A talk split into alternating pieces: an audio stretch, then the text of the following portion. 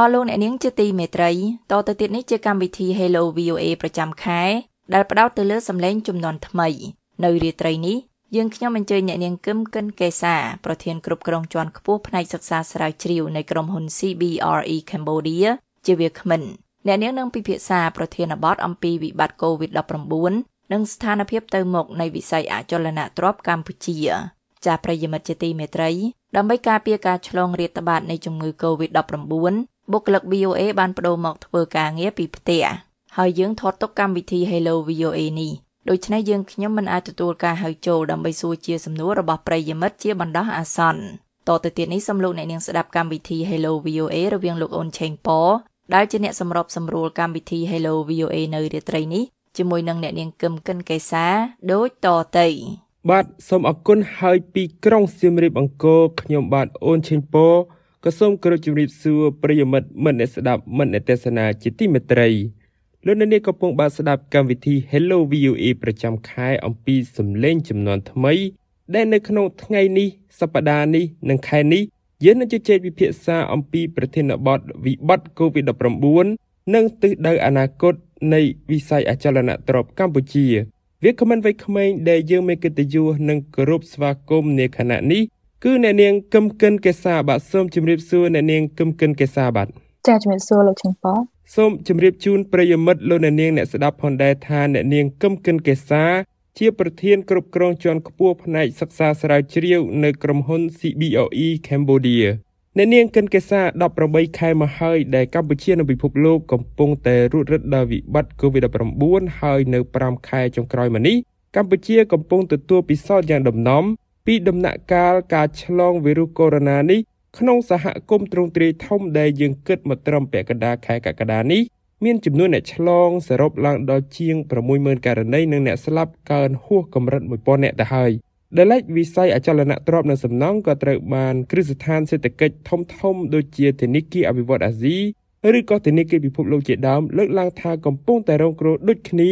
ផងក្នុងវិបត្តិជ្រៅនៃ COVID-19 នេះ តើវិស័យអចលនទ្រព្យនិងសំណង់មកទល់នេតិដែលយើងកំពុងជជែកពិភាក្សាគ្នានេះអ្នកនាងយល់ថាស្ថិតនៅចំណុចណាហើយក្នុងបរិបទ COVID-19 នេះហើយមានការធ្លាក់ចុះតម្លៃច្រើនទេហើយនិយាយស្រួលស្ដាប់តែយើងកំពុងស្ថិតក្នុងវិបត្តិអចលនទ្រព្យហើយឬយ៉ាងណាបាទចាសូមអរគុណលោកជំពរអឺមែនតើទៅ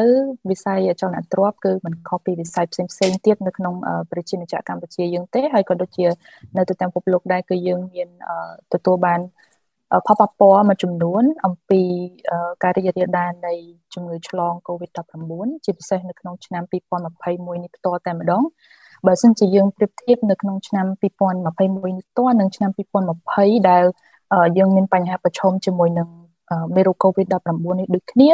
គឺយើងឃើញតែក្នុងឆ្នាំ2021នេះគឺផលប៉ះពាល់គឺលេចរូបរាងឡើងកាន់តែច្បាស់ជាងក្នុងឆ្នាំ2020 វាស្របគ្នាទៅនឹងទី1តកតងជាមួយនឹងបរិបទសេដ្ឋកិច្ចដែលទើបតែចាប់ដើមលេចរូបរាងមកកាន់តែខ្លាំងហើយនឹងទី2គឺការរីករាលដាលតកតងជាមួយនៅក្នុងសហគមន៍យើងផ្ទាល់តែម្ដងដែលយើងដោយលោកចេញប៉បានលើកឡើងមុននឹងអញ្ចឹងតកតងជាមួយនឹងចំនួនអ្នកឆ្លងសរុបហើយនឹងអ្នកស្លាប់ដែលខុសប្លែកពីឆ្នាំមុនហើយ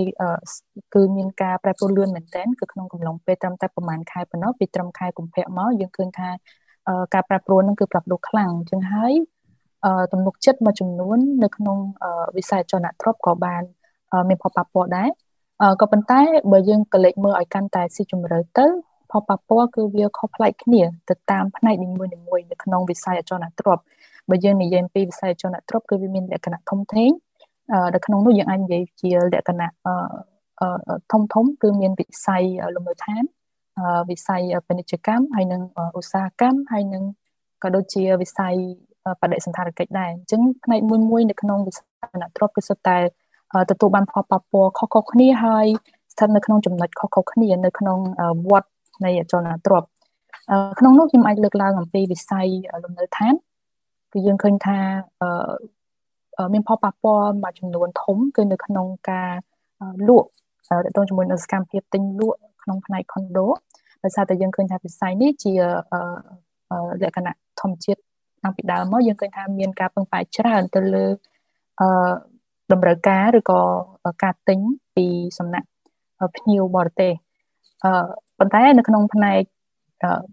ដូចយើងហៅថាលំនៅឋានឬដែលតកតងជាមួយនឹងបុរីឬក៏ដីឡូ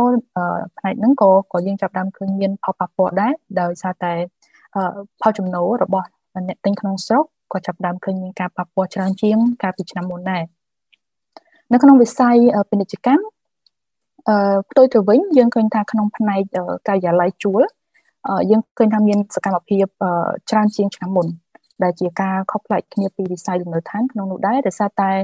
យើងឃើញថានៅក្នុងឆ្នាំ2020ភ្ញៀវនៃការសកម្មភាពនៃការជួលការិយាល័យគឺត្រូវបានផ្អាកដោយសារតែកាលពីឆ្នាំ2020ហ្នឹងបើយើងក៏លេចមើលម្ដងទៀតទៅគឺមានផលអឺ យើងហៅថាភាពសពេចសពិលច្រើនអញ្ចឹងក្រុមហ៊ុនមួយចំនួនធំអឺតកតូនជាមួយអ្នកដែលគាត់ជាអ្នកជួលការិយាល័យហ្នឹងគឺគាត់កំពុងតែអឺរងចាំមើលលើលើស្ថានភាពសេដ្ឋកិច្ចហើយនឹងរៀបចំជាយុទ្ធសាស្ត្រផ្សេងផ្សេងឬក៏តកតងជាមួយនឹងការចំណាយឬក៏ការពង្រីកការិយាល័យរបស់គាត់ឯជាដើមហ្នឹងគឺគាត់នៅមានការព្រួយបារម្ភគាត់ hold យើងហៅថាយើងហៅថាគាត់រងចាំមើលស្ថានភាពមួយរយៈសិនក៏ប៉ុន្តែនៅក្នុងឆ្នាំ2021នេះយើងចាប់ដើមឃើញថាក្រុមហ៊ុនមួយចំនួនគឺគាត់ត្រូវតែធ្វើសកម្មភាពអីមួយទាក់ទងជាមួយនឹងគេហៅថាការសម្រេចចិត្តនៅក្នុងវិស័យជំនួញរបស់គាត់ណា business decision ហ្នឹងត្រូវតែធ្វើអីមួយដើម្បីជៀសវាងកុំឲ្យមានការបង់ខាតកាន់តែច្រើនហើយក៏ដូចគ្នានឹងដែរយើងឃើញថាដោយសារតែមានការផ្គត់ផ្គង់ថ្មីថ្មីចូលមកកាន់ ទីផ្សារយើងឃើញថាមានតម្លៃសមស្របជាងមុនអញ្ចឹងហើយបានធ្វើឲ្យអ្នកជួល office ឬក៏ការិយាល័យមួយចំនួនហ្នឹងក៏ចាប់ដើមកលេចឃើញថាហ្នឹងគឺជាឱកាសសម្រាប់ការដែលគាត់ផ្លាស់ប្ដូរទៅកាន់ការិយាល័យដ៏ធំជាងមុនល្អជាងមុនជាដើមហ្នឹងក៏គាត់បានចាប់យកឱកាសហ្នឹងនៅក្នុងវិស័យពាណិជ្ជកម្មដដែលហ្នឹងតកតងជាមួយនឹងវិស័យចលនាទ្រព្យក្នុងបែបផ្សារទំនើបឬក៏យើងហៅថា retail អឺ ក៏មានការផលប៉ះពាល់ច្រើនដែរមែនទែនទៅវិស័យ retail នេះអាចនឹងនិយាយបានថាមានផលប៉ះពាល់ច្រើនជាងគេបើប្រៀបធៀបជាមួយនៅវិស័យផ្សេងផ្សេងដោយសារតែវិស័យ retail គឺពឹងផ្អែកសំខាន់មែនទែនទៅលើចរាចរណ៍របស់អ្នកទិញនៅក្នុងផ្សារទំនើបអញ្ចឹងតកតងជាមួយនឹងការព្រួយបារម្ភផ្សេងផ្សេងជាមួយនឹងការឆ្លងជាមួយនឹងជំងឺ Covid-19 នេះអឺ ហើយនឹងវិធីសាស្ត្រដើម្បីទប់ស្កាត់របស់រដ្ឋាភិបាលក្នុងការកាត់បន្ថយការធ្វើចរាចរណ៍ទៅទីដែលមានមនុស្សប្រមូលផ្ដុំច្រើនហ្នឹងគឺសិតតែជា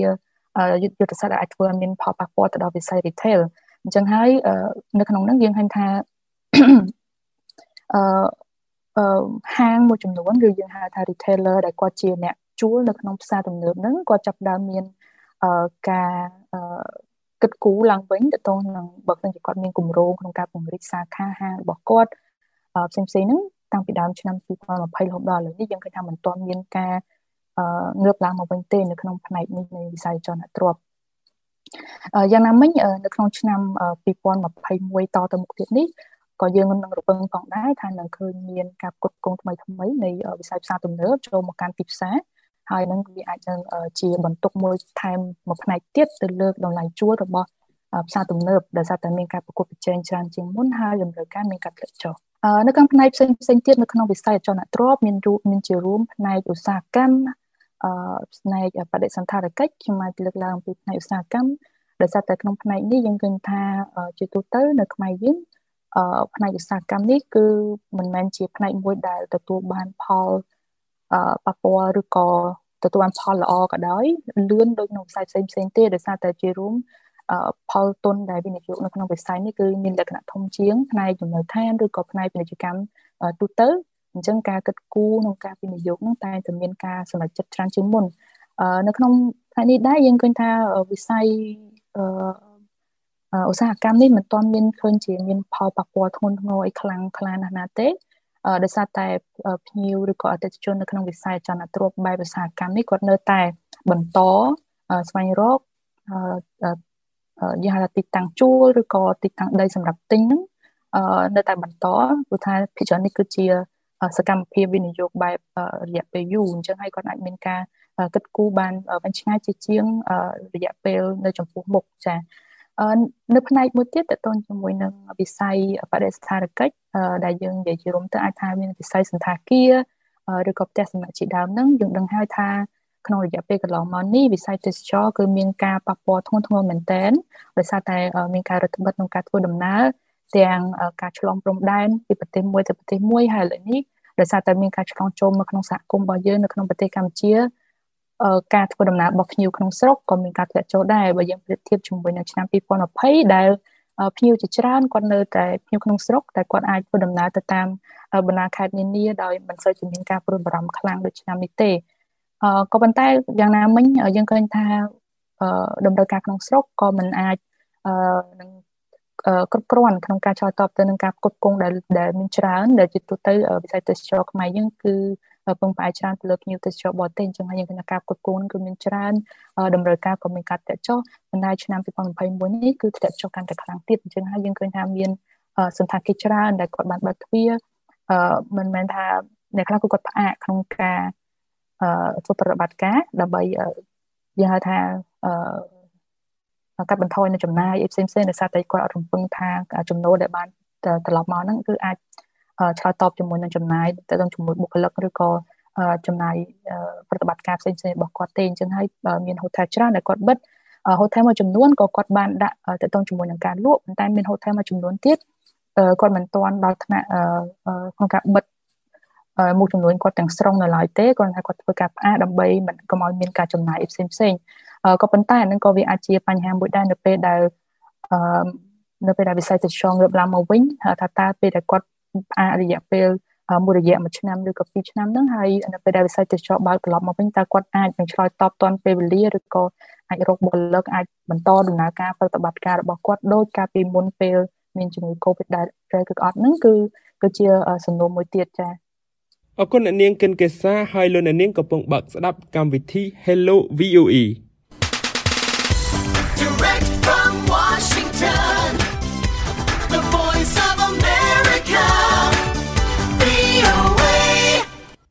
អ្នកនាងកិនកេសាក្នុងកំណត់ផ្សាយបច្ចុប្បន្នភាពសេដ្ឋកិច្ចកម្ពុជាឬ Cambodia Economic Update ចេញផ្សាយកាលពីខែមិថុនាកន្លងមកធនាគារពិភពលោកបានប្រមានអំពីភាពទន់ខ្សោយនៃវិស័យអចលនទ្រព្យពេលមានវិបត្តិ COVID-19 អូបន្លាយហើយវិស័យអចលនទ្រព្យនិងសំណង់និងវិស័យហិរញ្ញវត្ថុធនាគារនឹងមានការពាក់ព័ន្ធគ្នាតទៅនឹងកម្ចីនិងការវិនិយោគការបង់រំលោះជាមួយធនាគារឬគ្រឹះស្ថានមីក្រូនេះជាដើម តើភាពទន់ខ្សោយនៃវិស័យអចលនទ្រព្យនិងសំណង់អាចបង្កហានិភ័យអ្វីខ្លះដល់វិស័យធនាគារនិងហិរញ្ញវត្ថុបាទអឺចាសូមអរគុណលោកជីមប៉ខ្ញុំមិនទាន់ហ៊ានអាចអះអាងទេថាតើវិស័យចលនាទ្រព្យអាចនឹងមានផលប៉ះពាល់យ៉ាងណាទៅលើវិស័យរញ្ញវត្ថុដោយសារតែនេះក្រៅពីជំនាញរបស់ខ្ញុំប៉ុន្តែអ្វីដែលខ្ញុំអាចផ្ដល់ជូនជាការសង្កេតរបស់ខ្ញុំផ្ទាល់គឺយើងឃើញថាវាជារឿងពិតណាស់ដោយសារការទិញរបស់ប្រជាជនភាគច្រើនគឺវាមានពាក់ព័ន្ធជាមួយនឹងការប្រើប្រាស់ប្រាក់កម្ចី អាចជាប្រាក់កម្ចីអំពីធនាគារផ្ទាល់ឬក៏ការប្រាក់កម្ចីឬក៏ការបង់រំលោះផ្ទាល់ជាមួយនឹងអ្នកសាងសង់ឬក៏អ្នកអភិវឌ្ឍជាពិសេសយើងឃើញថានៅក្នុងផ្នែកលំនៅឋានដែលមានជា condo និងផ្ទះល្វែងផ្ទះបុរីជាដើមហ្នឹងគឺយើងមានឃើញអ្នកដែលគាត់ទិញហ្នឹងគឺប្រើប្រាស់ប្រាក់កម្ចីហ្នឹងគឺភាគច្រើនមែនទែនក្នុងនោះដែរយើងឃើញថាលទ្ធភាពនៃការសងរបស់ពួកគាត់គឺវាស្ថិតទៅលើប្រាក់ចំណូលដែលគាត់ទទួលបានអឺ ដូចថាបើសិនជាប្រាក់ចំណូលរបស់គាត់មានការប៉ះពាល់ដោយសារតែវិបត្តិជំងឺ Covid-19 នេះវាអាចនឹងប៉ះពាល់ទៅលើលទ្ធភាពនៃការសងប្រាក់កម្ចីរបស់គាត់ដូចគ្នាតែក្នុងនេះយើងឃើញថាមានការប្រែប្រួលខ្លះៗទៅលើយើងហៅថាអត្រាសងត្រឡប់ឬក៏យើងហៅថា non performing loan ហ្នឹងក៏ប៉ុន្តែយើងឃើញថារដ្ឋាភិបាលក៏គាត់បានយើងហៅថាលើកទឹកចិត្តឲ្យវិស័យធនាគារ ក្នុងក្នុងការធ្វើរៀបចំគម្រោងឡើងវិញនៅគម្រោងប្រាក់កម្ចីផ្សេងៗប៉ុន្តែនឹងក៏អាចមានផលប៉ះពាល់ទៅលើ credit score ឬក៏បន្ទុកអនុទានរបស់អ្នកខ្ចីផងដែរនៅក្នុងវិស័យធនាគារយើងឃើញថាអាចមានអាចនឹងមានការយកចូលច្រើនជាងដោយសារតែនៅក្នុងវិស័យធនាគារគឺធនាគារគាត់តែងតែមានការផ្គត់ផ្គង់ឬក៏ការត្រួតត្រងអំពីរដ្ឋាភិបាលក៏ប៉ុន្តែនៅក្នុងវិស័យ ចលនាទ្រព្យផ្ទាល់នៅពេលដែលអ្នកទិញគាត់មានការបង់រំលោភផ្ទាល់ជាមួយនឹងអ្នកអភិវឌ្ឍដែលជាម្ចាស់គម្រោង condo ឬក៏ជាម្ចាស់គម្រោងផ្ទះបុរីជាដើមហ្នឹងគឺវាស្ថិតទៅលើការចរចារបស់គាត់ជាមួយនឹងអ្នកអភិវឌ្ឍផ្ទាល់ដោយសារតែអ្នកអភិវឌ្ឍពិច្រើនគឺមិនទទួលបានការគ្រប់គ្រងឬក៏ការគ្រប់គ្រងផ្នែកហិរញ្ញវត្ថុណាមួយអំពីរដ្ឋាភិបាលទេអញ្ចឹងហើយវាស្ថិតទៅលើការយកយកផ្ទាល់របស់ម្ចាស់គម្រោងផ្ទាល់ អញ្ចឹងយើងឃើញថានៅក្នុងគម្រោងមួយចំនួនក៏គាត់មានការយោគយល់ដែរនៅក្នុងបរិបទជំងឺ Covid-19 នេះគឺគាត់អាចបានផ្ដល់ជាការលើកលែងការប្រាក់នៅពេលសម្រាប់ការបង់យឺតយ៉ាវក្នុងរយៈពេលណាមួយក៏ប៉ុន្តែវាមិនបានជាយូរទេដោយសារតែយើងដឹងហើយអ្នកអភិវឌ្ឍក៏គាត់ប្រើប្រាស់ដើមទុនដែលបានមកពីប្រាក់កម្ចីធនាគារដូចគ្នាដើម្បីធ្វើការសងត្រឡប់ទៅវិញគាត់ត្រូវការមានលំហូរសាច់ប្រាក់អំពីអ្នកទិញដើម្បី បង្វិលសាច់ប្រាក់ហ្នឹងទៅជូនធនាគារវិញអញ្ចឹងគឺវាមានការជាប់ពាក់ព័ន្ធតៗគ្នាហើយនឹងគឺជាមែនទែនទៅគឺស្ថិតនៅលើការយោគយល់តៗគ្នាដែរតើតើជាមួយនឹងការចរចាអំពីអ្នកទិញអ្នកអភិវឌ្ឍហើយនឹងភាគីម្ចាស់ហិរញ្ញវត្ថុគឺផ្នែកធនាគារផ្ទាល់តែម្ដងអ្នកនាងកិនកេសាខ្ញុំចង់បដោតទៅលើបញ្ហាដែលឡែកមួយនៃទីផ្សារអចលនទ្រព្យនេះគឺចំពោះបញ្ហាដីឡូ មុនវិបត្តិ COVID ទីផ្សារដីឡូហាក់មានលក្ខណៈសកម្មនិងរៀលដាលស្ទើរគ្រប់ទិសទីបើអ្នកនាងកិនកេសាឬក៏ប្រិយមិត្តម្នាក់ស្ដាប់ធ្វើដំណើរទៅជីក្រុងភ្នំពេញឬទៅទីតាំងភូមិសាស្ត្រនានាក្នុងខេត្តកណ្ដាលអាចនឹងឃើញគម្រោងដីឡូព្រុងព្រាតលើកជាផ្លាកជាអីចឹងទៅតើអំឡុងការផ្ទុះរាលដាលនៃ COVID-19 ក្នុងសហគមន៍លេខនេះទីផ្សារដីឡូមានការប៉ះពាល់ដោយឡែកផ្សេងពីការប៉ះពាល់រួមលើវិស័យអចលនទ្រព្យទាំងមូលនឹងយ៉ាងដូចមិនដេចខ្លះដែរបាទ ចាអរគុណលោកជំពរចំពោះសំណួរនេះយើងបានដឹងហើយថាវិស័យដីឡូគឺមានការសកម្មភាពច្រើនមែនទែននៅក្នុងកំឡុងពេលប្រហែលជា5ទៅ7ឆ្នាំចុងក្រោយនេះដែលយើងឃើញថានៅសឹងតែគ្រប់ទិសទាំងអស់របស់រាជធានីភ្នំពេញយើងឃើញមានគម្រោងដីឡូផ្សេងផ្សេងដើម្បីជាការគ្រប់គ្រងមួយទៅដល់ក្រុមប្រជាជនដែលគាត់មានប្រាក់ចំណូលទាបមិនទាន់អាចទិញជាលក្ខណៈថាជាផ្ទះដែលសាងសង់រួចបានគាត់ធ្វើការទិញជាមួយនឹង ប្រភេទដីឡូដើម្បីសន្សំឬក៏យើងហៅថាជាការវិនិយោគមួយរបស់គាត់ដែរនៅពេលណាដែលគាត់មានប្រាក់គ្រប់គ្រាន់គាត់អាចនឹងសាងសង់ផ្ទះជាលក្ខណៈគ្រួសាររបស់គាត់ឬក៏អ្នកខ្លះក៏គាត់ទិញក្នុងគោលនងវិនិយោគដើម្បីទុកយកប្រាក់ចំណេញអីជាដើមនៅក្នុងវិស័យនេះយើងចាប់ផ្ដើមឃើញមានការថមថយនៅសកម្មភាពទិញលក់ក្នុងរយៈពេល2ឆ្នាំចុងក្រោយនេះមួយផ្នែកគឺតកតងជាមួយនឹងវិបត្តិដែល បណ្ដាលមកពីជំងឺ Covid-19 ដែលប៉ះពាល់ទៅលើប្រាក់ចំណូលជាពិសេសវងប្រជាជនដែលមានប្រាក់ចំណូលទាបនិងមធ្យមហើយមួយផ្នែកទៀតក៏តកតងជាមួយនឹងដោយសារតែការគ្រប់គ្រងហ្នឹងគឺមានការបត់បែនយើងហៅថាងាកចេញពីប្រភេទដីឡូដែលមានតម្លៃសមរម្យហ្នឹងខ្លាយទៅជាផ្ទះដែលមានតម្លៃសមរម្យវិញអញ្ចឹងនៅក្នុងបរិបទមួយចំនួនប្រជាជនមួយចំនួនដែលគាត់មានលទ្ធភាព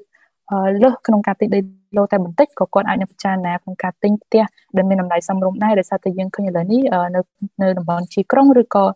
ក្រៅរាជធានីភ្នំពេញក៏ដោយនៅក្នុងខេត្តកណ្ដាលតំបន់មួយចំនួនក៏មានការគ្រប់គ្រងតទៅជាមួយនឹងផ្ទះបុរីដែលមានតម្លៃសមរម្យដែលនៅក្នុងយើងការយើងគិតគូរទៅការបង់ប្រាក់ប្រចាំខែក៏មាន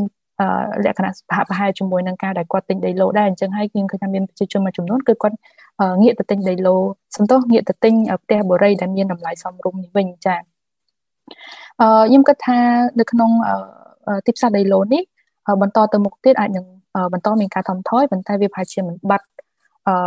មិនមែនថាយើងទីផ្សារដីឡូនឹងបាត់100%ទេមែនមែនទែនទៅក៏យើងឃើញថាទីផ្សារដីឡូគឺបានជួយដល់ប្រជាជនមួយផ្នែកធំដែរដែលតកតងជាមួយនឹងប្រជាជនដែលគាត់មិនមានលទ្ធភាពក្នុងការទិញដីឬក៏ទិញផ្ទះនៅក្នុង កណ្ដាលក្រុងឬក៏នៅក្នុងទីប្រជុំជននេះគឺជាឱកាសមួយសម្រាប់គាត់ដើម្បីយើងហៅថាសន្សំទ្រព្យឬក៏បង្កើនជាទីលំនៅមួយសម្រាប់ពេលអនាគតនៅពេលដែលគាត់មានគ្រួសារឬក៏គាត់ចាប់ផ្ដើមមានបទច្រើនជាដើមក៏ប៉ុន្តែយើងឃើញថាឥឡូវនេះការតម្រូវការរបស់អតិថិជនអំពីទីផ្សារដីឡូគឺ ចាប់ដើមមានការរៀងអភិវឌ្ឍជាមួយបន្តិចស្មានថាគាត់មានការយល់ដឹងច្រើនទាក់ទងជាមួយនឹងគម្រោងដីឡូអញ្ចឹងបើសិនជាគាត់ចាប់អារម្មណ៍ក្នុងការទិញដីឡូគឺគាត់មិនទិញដីដែលមានត្រឹមតែជាដីនោះទេគឺគាត់តែងតែរំពឹងមើលថាតាមម្ដុំហ្នឹងមានជាតំបន់ដែលមានសាលារៀនមានមណ្ឌលសុខភាពឬក៏តាមមានទឹកឬក៏មានភ្លើងអគ្គិសនីប្រើប្រាស់គ្រប់គ្រាន់ដែរឬទេអញ្ចឹងហើយវាតម្រូវការវាធ្វើឲ្យមាន អ្នកអភិវឌ្ឍដីឡូហ្នឹងគឺគាត់ត្រូវបំពេញថែមតាមតម្រូវការហ្នឹងមួយកម្រិតទៀតហើយក៏តកតងជាមួយនឹងអាជ្ញាប័ណ្ណដែលត្រូវបានណែនាំដោយក្រសួងសេដ្ឋកិច្ចដែរគឺបច្ចុប្បន្ននេះអ្នកអភិវឌ្ឍគម្រោងដីឡូគឺគាត់តម្រូវឲ្យមានអាជ្ញាប័ណ្ណហើយនឹងចុះជាបញ្ជីការជាមួយនឹងក្រសួងហើយនឹងរាជរដ្ឋាភិបាលជាដើមចឹងធ្វើឲ្យមានការអភិវឌ្ឍដីឡូហ្នឹងវាមានការស្មុគស្មាញជាងមុនក៏ប៉ុន្តែនេះគឺជា យន្តការមួយដើម្បីបន្តអឺហៅថានិរន្តរភាពនៃទីផ្សារមួយនេះហើយនឹងជួយការពារទៅដល់អឺអ្នកទិញដែលគាត់មានថវិកាតិចតួចក្នុងការសន្សំដើម្បីបង្កើតជាលំនៅឋានរបស់គាត់តខ្លួនចាអរគុណអរគុណលោកអ្នកនាងកំពុងបើកស្ដាប់កម្មវិធី Hello VOA Voice of America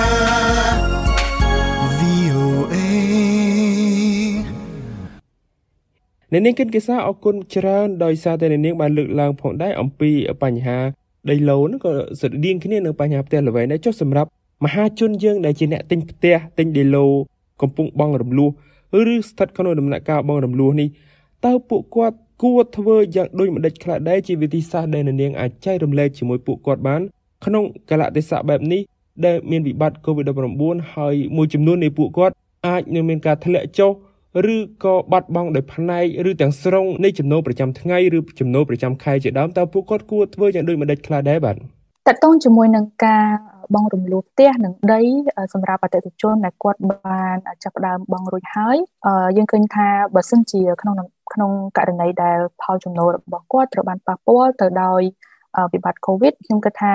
មានការផលវិបាកច្រើនមែនទែនដោយសារតែមិនមែនតកតងជាមួយនឹងផ្ទះទេដីទេក៏ប៉ុន្តែក៏តកតងជាមួយនឹងតម្រូវការប្រចាំថ្ងៃដែរធម្មតាទេគាត់បើសិនជាគាត់មានប្រាក់ដែលមានកម្រិតគាត់ត្រូវផ្ដល់អតិភិបទៅលើការចំណាយប្រចាំថ្ងៃហ្នឹងមុនទៅដល់ការគិតគូរអំពីការទិញផ្ទះឬក៏ការទិញដីដែលជាជំហានបន្ទាប់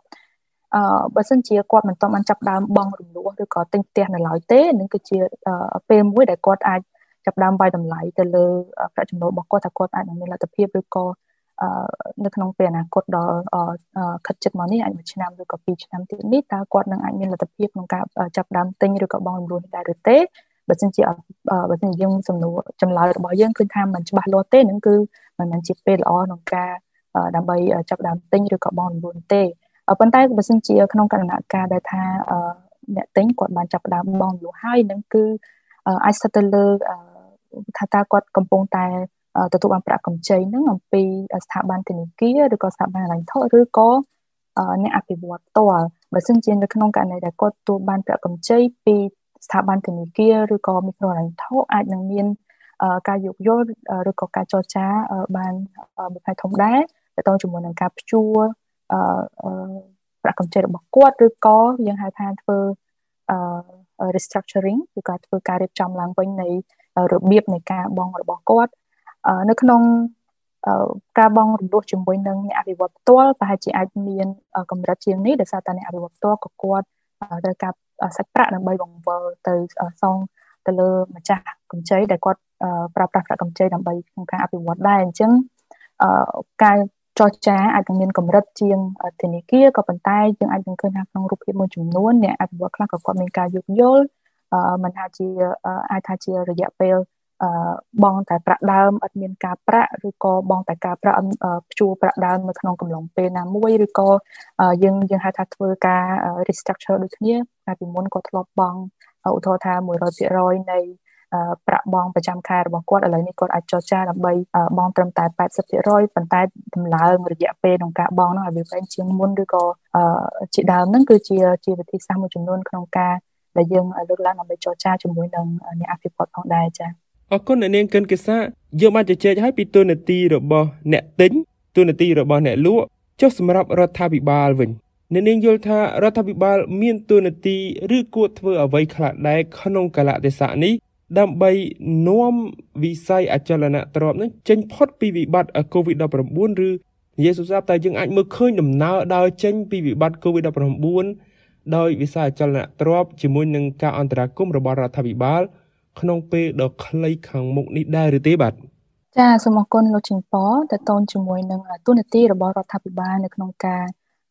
ជួយពង្រឹងឬក៏ស្ដារឡើងវិញនៅក្នុងវិស័យអចលនទ្រព្យគឺមានការផ្សារភ្ជាប់ផងដែរទៅលើការគ្រប់គ្រងនៅវិបត្តិជំងឺ Covid-19 ដោយសារតែយើងដឹងហើយថានេះគឺជាបញ្ហាចំពោះមុខដែលត្រូវការការអន្តរាគមន៍និងដោះស្រាយភ្លាមភ្លាម ទាំងពីសំណាក់រដ្ឋាភិបាលក៏ដូចជាការចូលរួមអំពីសាធារណជនផងដែរទៅទងជាមួយនឹងការទប់ស្កាត់នេះដរាបណាវិបត្តិនៃជំងឺ Covid-19 នេះនៅមានការអូសបន្លាយរយៈពេលកាន់តែវែងគឺផលប៉ះពាល់សេដ្ឋកិច្ចអឺទៅលើសេដ្ឋកិច្ចជារួមនិងទៅក្នុងវិស័យអចលនទ្រព្យផ្ទាល់គឺនឹងមានការអឺការលក្ខណៈថាធ្ងន់ធ្ងរជាងមុនជាជាងការដែលយើងអាចបិទគប់នៅការឆ្លងនេះក្នុងរយៈពេលខ្លី អញ្ចឹងហើយយើងឃើញថាសកម្មភាពនៅក្នុងការចាក់វ៉ាក់សាំងទៅដល់ប្រជាពលរដ្ឋនឹងមានទូនាទីមួយសំខាន់មែនទែននៅក្នុងការទប់ស្កាត់បញ្ហាចំពោះមុខគឺការរីករាលដាលនៃជំងឺ Covid-19 បើទោះបីជាមិនអាចកាត់បន្ថយការឆ្លងទាំងស្រុង100%ក៏យើងអាចកាត់បន្ថយទៅទងជាមួយនឹងអត្រាអ្នកស្លាប់និងអត្រាអ្នកចូលសម្រាប់មន្ទីរពេទ្យហើយក៏អាចអនុញ្ញាតឲ្យប្រជាពលរដ្ឋត្រឡប់ទៅធ្វើការងារជួញដូរឬក៏ប្រកបមុខរបរប្រចាំថ្ងៃរបស់គាត់នឹងបានឡើងវិញ ជាការធម្មតាដែលអាចធ្វើឲ្យសេដ្ឋកិច្ចរបស់យើងនឹងបន្តទៅមុខទៀតចំណុចមួយទៀតតកតងជាមួយនឹងជំនួយទៅក្នុងវិស័យអចលនទ្រព្យនេះផងដែរគឺយើងឃើញថាវិស័យអចលនទ្រព្យក៏មានការផ្សារភ្ជាប់យ៉ាងជាប់លាប់ទៅជាមួយនឹងសកម្មភាពវិនិយោគទូទៅតទៅជាមួយនឹងការងារពង្រីកជាមួយនឹងសកម្មភាពវិនិយោគទូទៅ អញ្ចឹងហើយយើងឃើញថាបើសិនជាដរាបណាការវិនិយោគនៅតែបន្តមានគឺការវិនិយោគនឹងបង្កើនឲ្យមានការងារនិងប្រាក់ចំណូលដល់ប្រជាពលរដ្ឋដែលគាត់ធ្វើគាត់អាចមានលទ្ធភាពក្នុងការទិញផ្ទះឬក៏ទិញដីដើម្បីសម្រាប់ជាការវិនិយោគនិងការប្រើប្រាស់ផ្ទាល់ខ្លួនរបស់គាត់ការវិនិយោគនេះផងដែរក៏នឹងបង្កើតឲ្យមានតម្រូវការនៅក្នុងផ្នែកចលនាទ្រព្យផ្សេងៗទៀតដែរដូចជាដីសម្រាប់ធ្វើទីតាំងរោងចក្រឬក៏ទីតាំងផលិតកម្ម អគារការិយាល័យឬក៏លំនៅឋានផ្សេងផ្សេងសម្រាប់អ្នកវិនិយោគផ្ទាល់អញ្ចឹងហើយនេះក៏ជាសកម្មភាពមួយដែលសំខាន់ដែរតកតងជាមួយនឹងការស្ដារឡើងវិញនៅដំណើរការនៅក្នុងវិស័យអចលនទ្រព្យចាជាមួយនេះជាមួយគ្នានេះដែរតកតងជាមួយនឹងគោលនយោបាយនៅក្នុងចក្ខុវិស័យរយៈពេលវែងជាងនេះជាជាងបញ្ហាចំពោះមុខដែលតកតងជាមួយនឹងវិបត្តិ COVID-19 យើងឃើញថា រដ្ឋាភិបាលលោកអាចពិចារណាក្នុងការលើកឡើងជាគោលនយោបាយមួយចំនួនដើម្បីជាជំនួយទៅដល់អ្នកវិនិយោគក្នុងវិស័យចលនាទ្រព្យផងដែរឧទាហរណ៍ដូចជាការបង្កើតឲ្យមានច្រកចេញចូលតែមួយសម្រាប់ការស្នើសុំជាអាជ្ញាប័ណ្ណឬក៏លិខិតអនុញ្ញាតផ្សេងផ្សេងសម្រាប់អ្នកវិនិយោគក្នុងវិស័យចលនាទ្រព្យដើម្បីជួយកាត់បន្ថយនៅថ្លៃចំណាយនិងកាត់បន្ថយនៅពេលវេលាប្រើប្រាស់របស់គាត់ហើយនេះក៏ជាការលើកទឹកចិត្តមួយសម្រាប់អ្នកវិនិយោគផងដែរ ផ្សេងនេះផ្សេងពីនេះទៀតយើងឃើញថាការវិនិយោគនៅក្នុងវិស័យចលនាទ្រព្យសម្រាប់រយៈពេលវែងគឺត្រូវការការចូលរួមទ្រទ្រង់អំពីរដ្ឋាភិបាលដូចគ្នាតកតងជាមួយនឹងវិស័យហេដ្ឋារចនាសម្ព័ន្ធហើយនឹងគោលនយោបាយរយៈពេលវែងឧទាហរណ៍ដូចជាការបង្កើតឲ្យមានប្លង់រៀបចំក្រុងឬក៏រៀបចំដីធ្លីជាដើមដែលផ្ដល់ទៅមុខចិត្តទៅដល់អ្នកអភិវឌ្ឍនៅក្នុងវិស័យនេះផងដែរចា៎ ថាតើយើងអាចចាក់ចេញអំពីវិបត្តិ COVID-19 នេះបានលឿនកម្រិតណាឬក៏តាមរយៈរូបភាពបែបណានោះគឺខ្ញុំគិតថាការដែលយើងងាកចេញពីវិបត្តិនេះគឺផ្សារភ្ជាប់ទៅនឹងការដែលយើងគ្រប់គ្រងនៅវិស័យសន្ទុះការឆ្លងរីករាលដាលនៃជំងឺ Covid-19 នេះតែម្ដងចា៎បើមិនជាយើងអាចបិទបញ្ចប់ការឆ្លងជំងឺ Covid-19 ឬក៏ព្រឹត្តិការណ៍20កុម្ភៈនេះកាន់តែលឿនគឺនឹងអាចធ្វើឲ្យមាន ចាទំនុកចិត្តទាំងផ្នែកអ្នកវិនិយោគនិងអ្នកទិញនៅក្នុងវិស័យចលនាទ្រព្យនេះទាំងសងខាងចាហើយសម្រាប់រយៈពេលវែងនោះគឺគឺស្ថិតទៅលើសកម្មភាពសេដ្ឋកិច្ចជាលក្ខណៈទូទៅដែលបង្កើនឲ្យមានតម្រូវការទាំងផ្នែកលំនៅឋាននិងផ្នែកពាណិជ្ជកម្មផងដែរចា៎សូមអរគុណអ្នកនាងគិនកេសាដែលបានផ្ដល់ការពន្យល់យ៉ាងក្បោះក្បាយដល់ប្រិយមិត្តអ្នកស្ដាប់តេតទៅនឹងប្រធានបទ COVID-19 និងដំណើរអនាគត នៃវិស័យអចលនទ្រព្យកម្ពុជាបាទចាសូមអរគុណជិញពដោយសារតែពេលវេលាមានកំណត់ខ្ញុំបាទអូនចេញពរនៅសហការីក៏សូមគោរពជម្រាបលាអ្នកនាងកិនកេសានិងប្រិយមិត្តអ្នកស្ដាប់តែត្រឹមនេះបាទសូមអរគុណ